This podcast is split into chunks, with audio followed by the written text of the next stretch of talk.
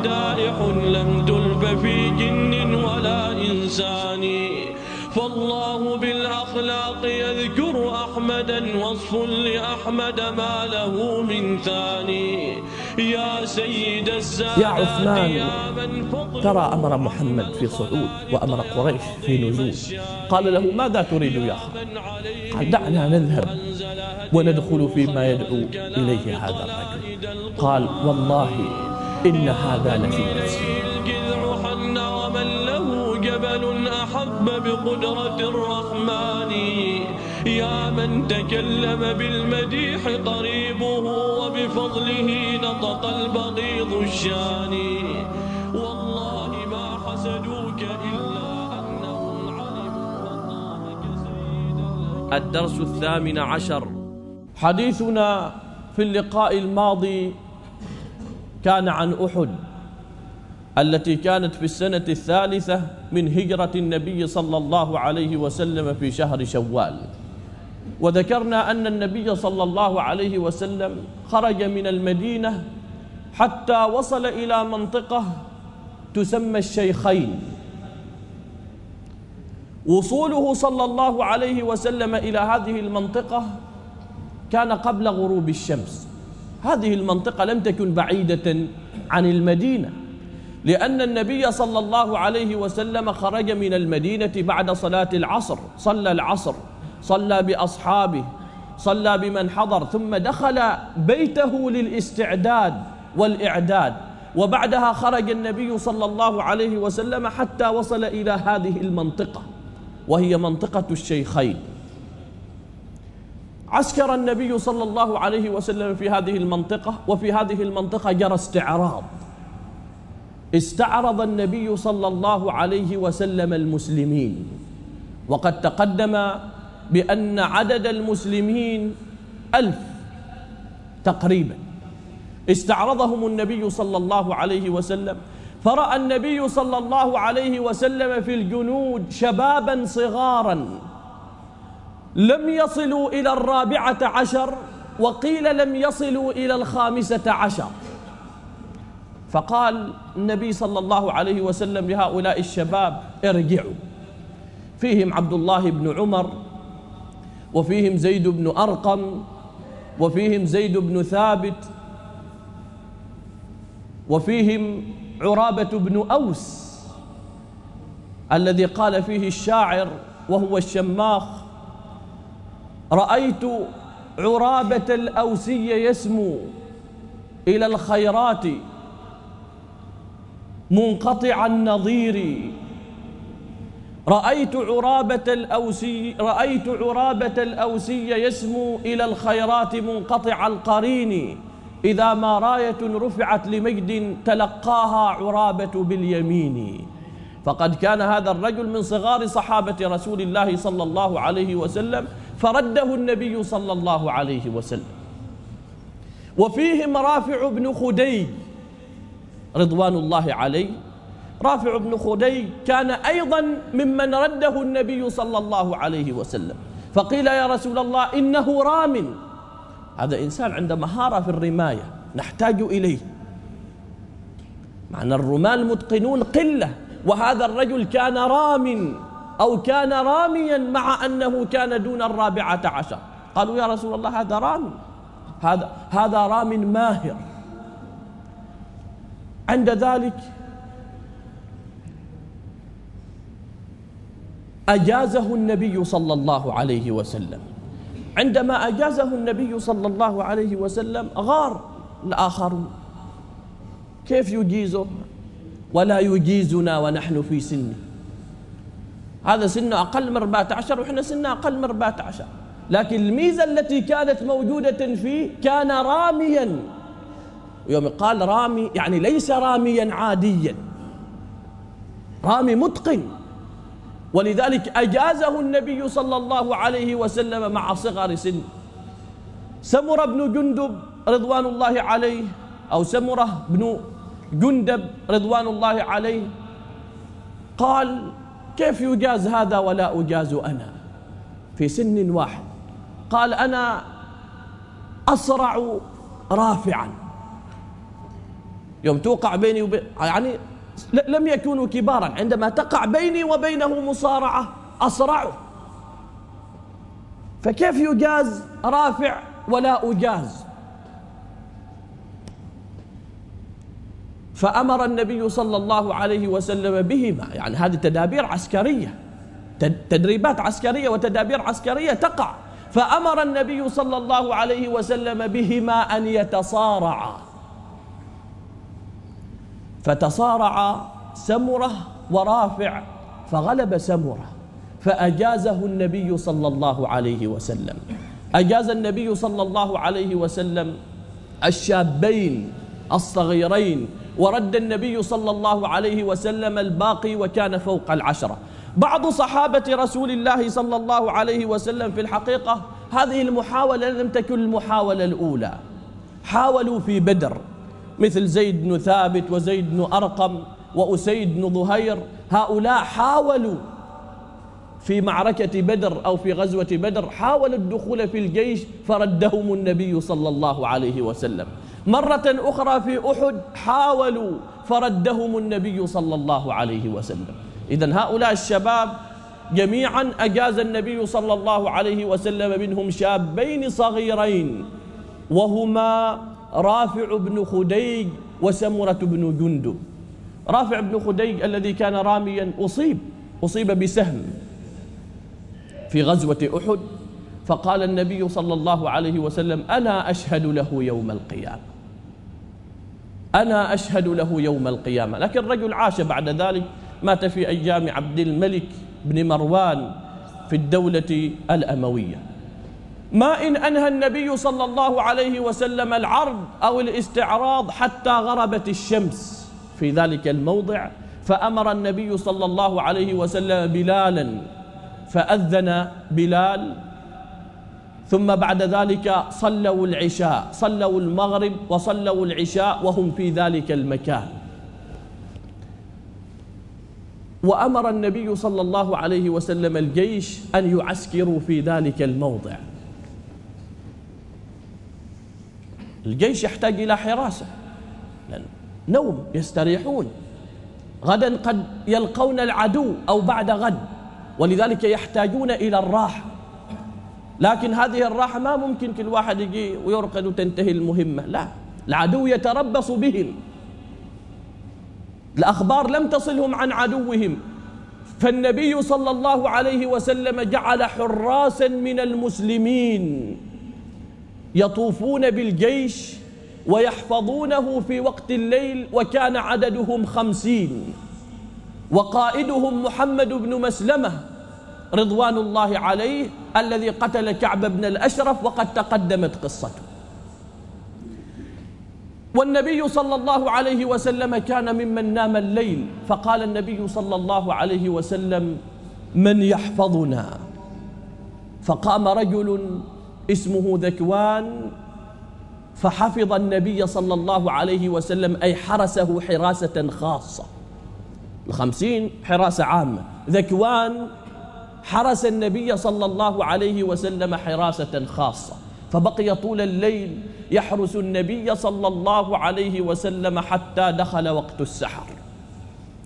دخل وقت السحر فأمر النبي صلى الله عليه وسلم مناديه أن ينادي بالناس بالمسير الانتقال من ذلك الموضع إلى موضع آخر. هذا الكلام كان في وقت السحر أي قبل دخول وقت الفجر. فسار النبي صلى الله عليه وسلم وسار هذا الجيش المظفر الذي كان بقيادة النبي صلى الله عليه وسلم حتى وصلوا إلى موضع يسمى الشوط. حائط. حائط يعني مزرعة. بين المدينة وجبل أحد. هذه المنطقة تسمى الشوط. عسكر النبي صلى الله عليه وسلم في هذه المنطقة لأنه حضر وقت الفجر. حضر وقت صلاة الفجر.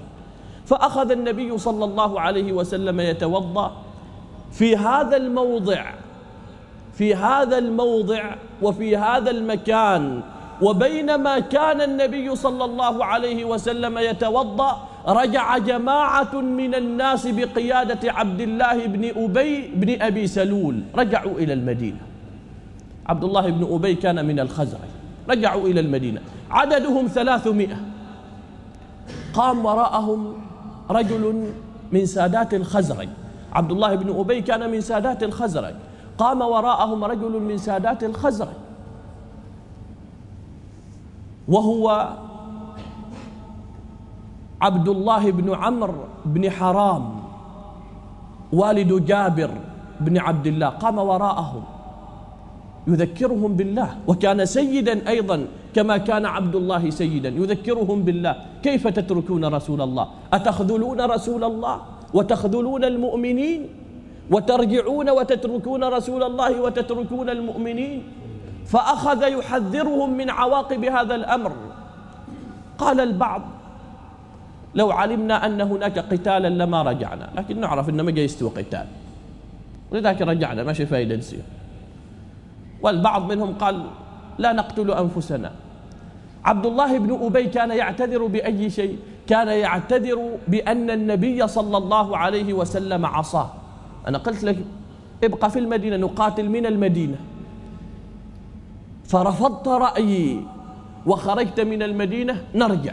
بما أنكم قررتم هذا القرار نرجع. طيب لماذا لم ترجع من البداية لماذا لم تخرج من المدينة؟ هذا شيء كان مخططا. بعض الخزرجيين عرضوا على رسول الله صلى الله عليه وسلم عرضا عندما نقص العدد. قالوا يا رسول الله نستعين بحلفائنا. من حلفاء الخزرج؟ يهود بني قريظة. قالوا يا رسول الله نستعين بحلفائنا. عند حلفاء بيننا وبينهم عقود ومواثيق. نتعاون في الشدة وفي الرخاء وفي السراء وفي الضراء. ثلث الجيش رجع. ثلث الجيش رجع. والجيش أيضا بعد فيه من فيه من المنافقين. ما ثلاثمية وانتهى الأمر. لا فيه من فيه من المنافقين. هذا الأمر كان على عهد النبي صلى الله عليه وسلم وسيأتي بيان ذلك. قالوا يا رسول الله جماعة من الخزرجيين وفيهم سعد بن معاذ رضوان الله عليه قالوا يا رسول الله نستعين بحلفائنا. فقال النبي صلى الله عليه وسلم لا حاجة لنا به. لا حاجة لنا به. توضأ النبي صلى الله عليه وسلم وأذن بلال رضوان الله عليه. وصلى النبي صلى الله عليه وسلم وصلى الناس مع النبي صلى الله عليه وسلم. رجوع المنافقين أحدث فتنة في جيش النبي صلى الله عليه وسلم بين فريقين. فريق من الأوس يقولون نقتلهم وفريق آخر يقولون لا نقتلهم أي نقتل الراجعين. خيانة هذا خيانة هذا معروف في المواثيق العسكرية. الذي يخون يقتل هذا شيء معروف في المواثيق. هذا ليس شيئا حديثا هذا شيء قديم. نقتلهم قال الآخرون لا نقتلهم. وقع الخلاف ووقع الخلاف. وكبر الخلاف بين هاتين الفئتين فأنزل الله تبارك وتعالى فما لكم في المنافقين فئتين. ما لكم منقسمين إلى فريقين حد يقول نقتلهم حد يقول ما نقتلهم. فما لكم في المنافقين فئتين؟ والله أركسهم بما كسبوا. أتريدون أن تهدوا من أضل الله؟ فالله تبارك وتعالى يأمر المؤمنين أن يسكتوا عنهم ويتركوهم وشأنهم. فسار النبي صلى الله عليه وسلم كان عند المسلمين فرسان فقط فرسان. أما جيش المشركين فيه مئتا فرس. وقائد الخيل أو الفرسان كما سيأتي هو خالد بن الوليد في جيش المشركين. ونائبه عكرمة بن أبي جهل.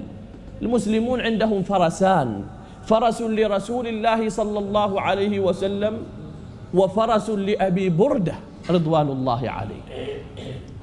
النبي صلى الله عليه وسلم من قبيل التخطيط العسكري أراد أن يسلك طريقا غير الطريق المعتاد.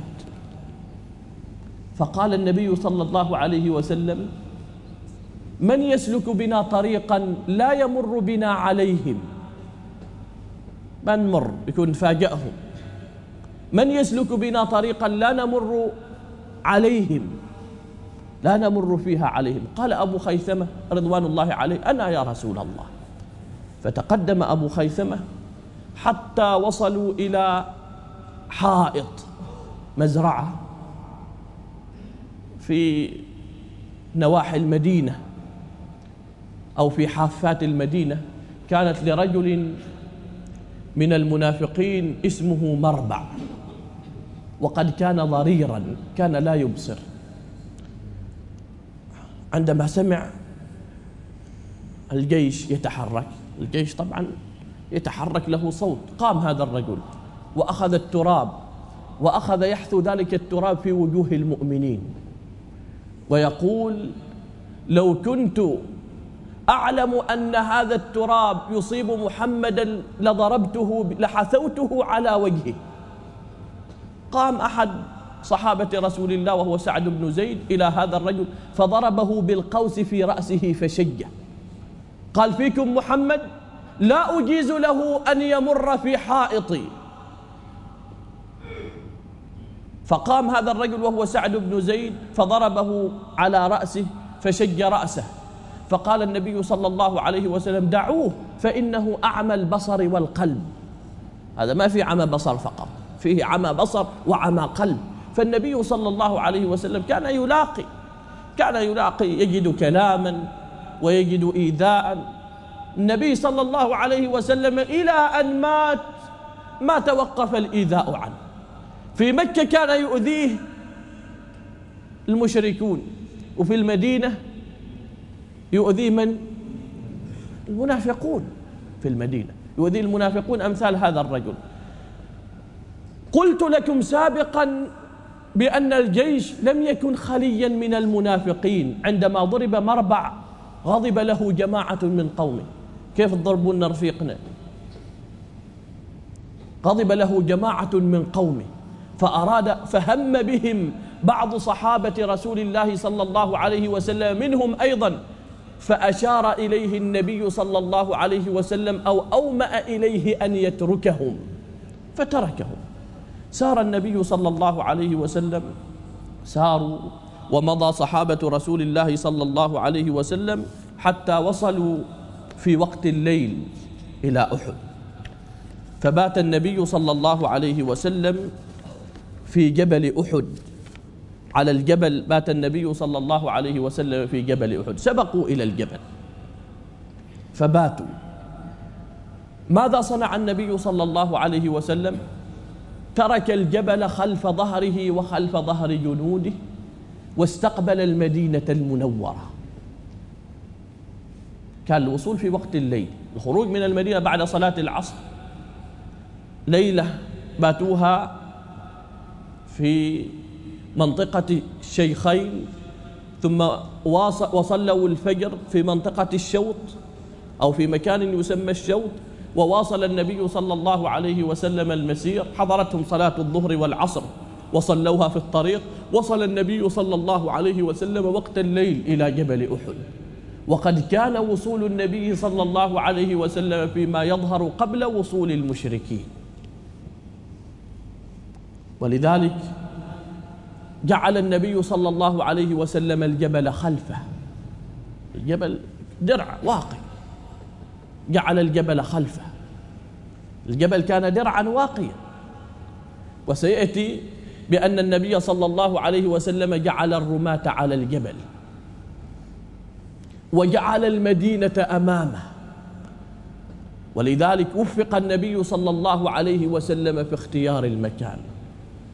قال النبي صلى الله عليه وسلم للزبير كن إزاء خالد خالد عنده كتيبة الخيل كتيبة الفرسان. وهذه الكتيبة كانت مقسمة إلى قسمين خالد القائد العام للكتيبة وهي كتيبة الفرسان القائد العام للجيش هو أبو سفيان. خالد بن الوليد كان قائد هذه الكتيبة وهي كتيبة الفرسان. ونائبه عكرمة بن أبي جهل. وعكرمة بن أبي جهل وعكرمة بن أبي جهل كان موتورا. قتل أبوه في بدر. فانقسمت هذه الكتيبة أيضا إلى قسمين. فجعل النبي صلى الله عليه وسلم الزبير بن العوام إزاء قسم من هذين القسمين وجعل جماعة أخرى من المسلمين إزاء الجماعة الأخرى. طبعا المسلمون ذكرنا بأنه ما كان عندهم إلا فرسان فقط. لكن هؤلاء كانوا رجالا أي كانوا على أرجلهم ولكن جعلهم النبي صلى الله عليه وسلم بإزاء هذين الفريقين. حضر وقت الفجر فصلى النبي صلى الله عليه وسلم بالناس الفجر وبعد صلاة الفجر خطب النبي صلى الله عليه وسلم فيهم وحضهم على الجهاد.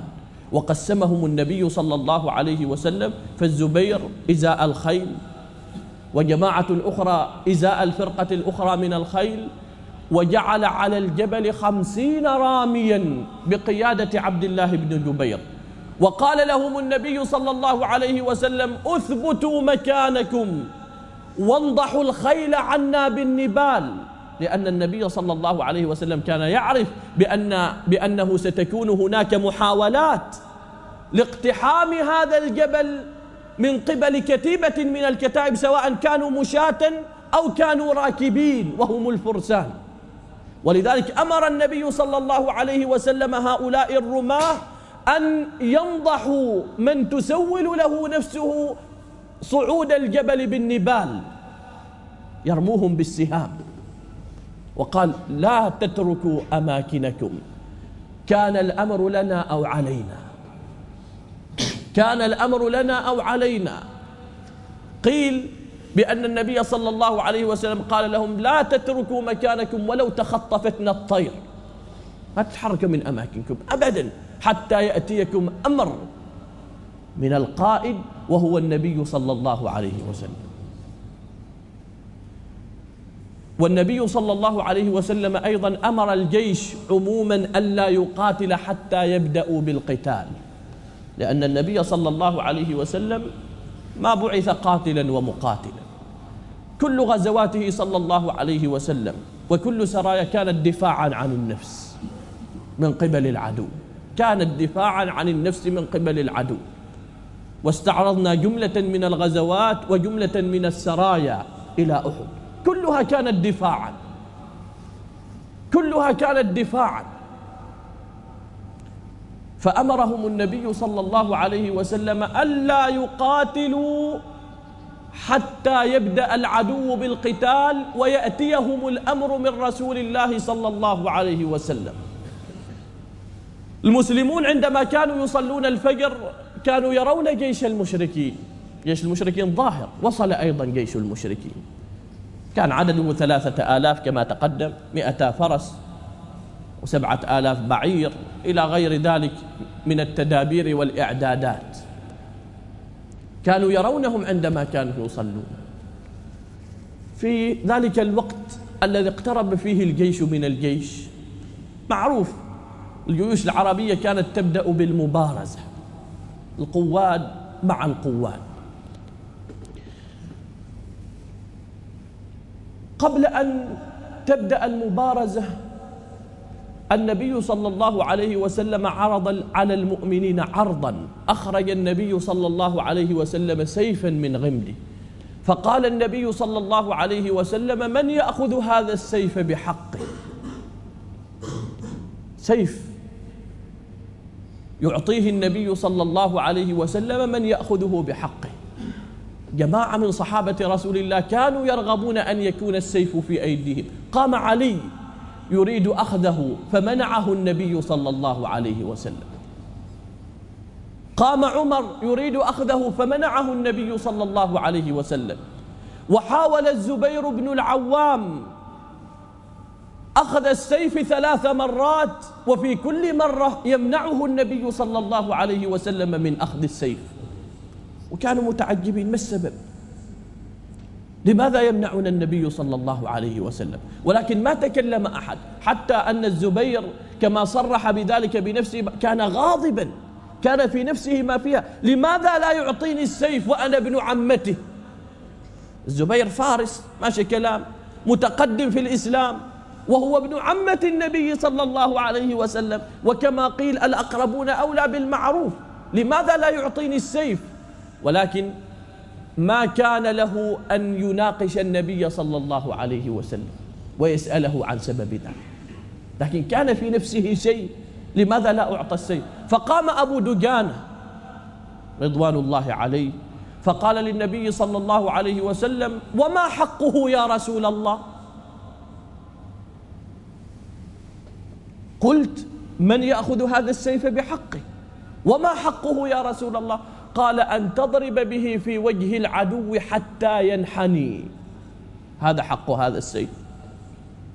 أن تضرب به في وجه العدو حتى ينحني. فأخذه أبو دجانة فأعطاه النبي صلى الله عليه وسلم إياه. زبير بن العوام قرر في نفسه أن يراقب أبا دجانة. ما الميزة الموجودة في هذا الرجل؟ حتى سلمه النبي صلى الله عليه وسلم السيف. وقد حاولت ثلاث مرات أن أتسلم السيف فمعنى عن النبي صلى الله عليه وسلم منه. ما الموجود في هذا الرجل؟ في الغزوة كان الزبير حريصا على مراقبة أبي دجانة. أبو دجانة بعدما تسلم السيف أخذ يمشي بين صفوف الجيش مشية المتكبر. مش يمشيها الشخص المتكبر فرآه النبي صلى الله عليه وسلم على تلك الصفة فقال إن هذه المشية يبغضها الله ورسوله إلا في هذا الموضع. هذا الموضع مشية محببة هذه المشية. لكن في غير هذا الموضع مبغوضة. أما الواحد يدور كاكي وينفخ عمره بين الناس بين عباد الله تعالى هذا شيء شيء ما يستوي. لكن هناك في ذلك لأن هذا يظهر أي شيء يظهر شجاعة وأن الرجل غير مكترث بعدوه. ما كما بعض الناس كما يقول العماني يخاف من ضلته يظهر شجاعة. هذا الأمر يظهر شجاعة. وأنه غير مكترث بعدوه. أبو دجان رضوان الله عليه عندما جد الجد أخرج من جيبه عصابة حمراء. قطعة. عصابة حمراء قطعة من الثياب فعصبها على رأسه. فقال الأنصار وقد كان رجلا من الأنصار قال الأنصار لقد لبس أبو دجانة عصابة الموت. هذا معروف أبو دجانة كذلك هذا الأمر معروف. وإذا لبس العصابة من وقف في طريقه لم يبال به. لقد لبس أبو دجانة عصابة الموت. فكان رضوان الله عليه لا يعترضه أحد ولا يمر به أحد إلا قتله. فأدرك الزبير السر. الزبير أثناء المعركة رأى رجلا من المشركين متخصص في أي شيء متخصص في الإجهاز على الجرحى من المؤمنين. واحد من المؤمنين مجروح مجروح عاد خلاص طريح في الأرض. هو يتتبعهم. إذا يشوف في رمق حياة يجهز, يجهز عليه ويتم قتله. فتمنى الزبير أن يقع هذا الرجل تحت بصر أبي دجان فرآه أبو دجان فتقدم إليه أبو دجانة رضوان الله عليه تقدم إليه. فضرب أبو دجانة ضربة وضرب الرجل ضربة اختلف في الضرب فوقعت ضربة الرجل في ترس أبي دجانة فعلق السيف في ترسه. فعاجله أبو دجانة رضوان الله عليه وقتله. وفي ذلك الوقت أيضا رأى أبو دجانة شخص يحمس الناس يشجعهم. فقصده أيضا أبو دجانة عندما وصل إليه أبو دجانة صرخ وويلاه فإذا هي امرأة وهي هند بنت عتبة زوجة أبي سفيان. كانت تشتغل في التحميس هذه دورها التوجيه المعنوي كما يقال في الجيوش الآن في هذا الزمان. قالت وويلاه فعلم أنها امرأة فتركها. فسئل عن ذلك فقال إني لأكرم سيف رسول إني لأكرم سيف رسول الله أن أضرب به امرأة. سيف رسول الله يقتل. هي طبعا كانت حقيقة بالقتل. صحيح المرأة لا لا تقتل. ولا الشيخ الكبير ولا الصغير إلا إذا كانوا يقاتلون. إذا كانوا يقاتلون ما يستوي يتركوا. يخلوهم يقتلوا الناس ويتركوا لا. إلا إذا كانوا يقاتلون فهي مستحقة للقتل في ذلك الوقت وإن كانت قد أسلمت المرأة بعد ذلك. لكن أبو دجان رضوان الله عليه أكرم سيف رسول الله صلى الله عليه وسلم من أن يضرب به امرأة. ما قال بعدين سيف رسول الله؟ قتلت به امرأة. أو تقتل به النساء. مع أنها كانت مستحقة للقتل. فأدرك الزبير أن الرجل مستحق لأخذ السيف وأن النبي صلى الله عليه وسلم أعطاه إياه بحقه. فبقي يقاتل به حتى انحنى السيف. فكان كالمنجل. لمجز المنجل هو لمجز بيسميه العلماء المنجز. يأتي هكذا أعوج. فكان كالمنجل. فقاتل به بحقه. لأن حقه أن يضرب به في وجه العدو حتى ينحني. استطردنا الكلام في خبر في خبر أبي دجان رضوان الله عليه حتى تتصل المعلومة قبل أن يبدأ القتال كما قدمنا كانت من عادة الجيوش المبارزة. خرج رجل على بعير له. فقال من يبارزني؟ خرج هكذا فجأة من غير سابق إنذار. أحجم المسلمون عن الخروج له فما خرج له أحد من المسلمين. لا ندري لماذا لم يخرج له أحد من المسلمين. هل تفاجأوا بالرجل؟ كيف هذا خارج على بعير؟ من يبارزني؟ من يبارزني؟ هل تفاجأ به المسلمون؟ هل يريدون معرفته؟ هل ينتظرون إشارة من النبي صلى الله عليه وسلم؟ يأمر أحدا بالخروج إليه؟ لأن أحيانا معنا يطلب الخارج بمواصفات خاصة. في معركة بدر خرج جماعة من المشركين وهم ثلاثة تقدم ذكرهم عتبة وشيبة ابن ربيعة وولد عتبة أيضا. فخرج لهم ثلاثة من الأنصار قالوا لا نريد أكفاءنا من بني عمنا. أنتم أكفاء. ما نقول شيء فرسان لكن نريد أكفاءنا من بني عمنا. ولذلك هنا أيضا أبو سفيان أبو سفيان نادى في الأنصار قال للأنصار قبل أحد أو قبل القتال قال لهم انصرفوا وخلوا بيننا وبين بني أعمامنا. نترككم لا نفعل بكم شيئا. أنتم مو لكم دخل بيننا وبين بني أعمامنا. فقام الأنصار وسبوه وشتموه ولعنوه. قالوا أبدا لا نتخلى عن رسول الله ولا عن أحد من المؤمنين. خرج هذا الرجل تفاجأ المسلمون. لم يخرج له أحد. حتى خرج الزبير بن العوام. خرج إلى الرجل وطلع له فوق البعير. كان راجلا على رجليه. صعد إليه إلى البعير فاعتنقه فوق البعير ووقع الصراع فوق البعير. والنبي صلى الله عليه وسلم يقول من لامس الأرض أولا كان هو المقتول. ويسقط أول شيء على الأرض المقصود الذي يسقط أولا على الأرض هو المقتول لأن هذا يسقط فوق. فسقط المشرك وسقط وسقط الزبير فوقه فذبحه. بعد ذلك خرج حامل لواء المشركين. وقد كان من بني عبد الدار وهو طلحة بن أبي طلحة.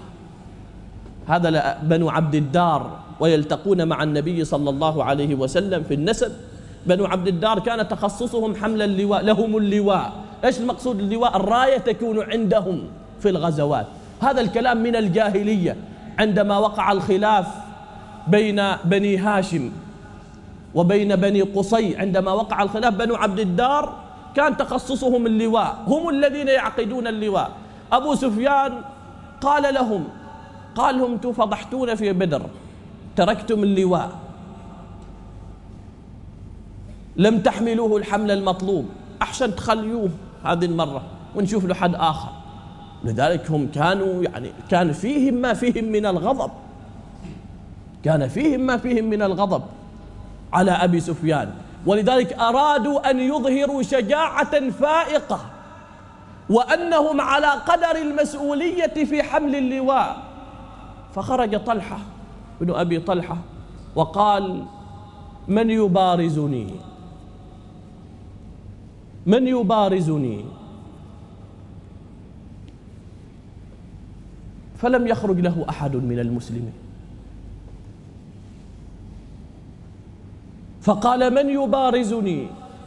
لم يخرج له أحد من المسلمين. وفي المرة الثالثة قال من يبارزني؟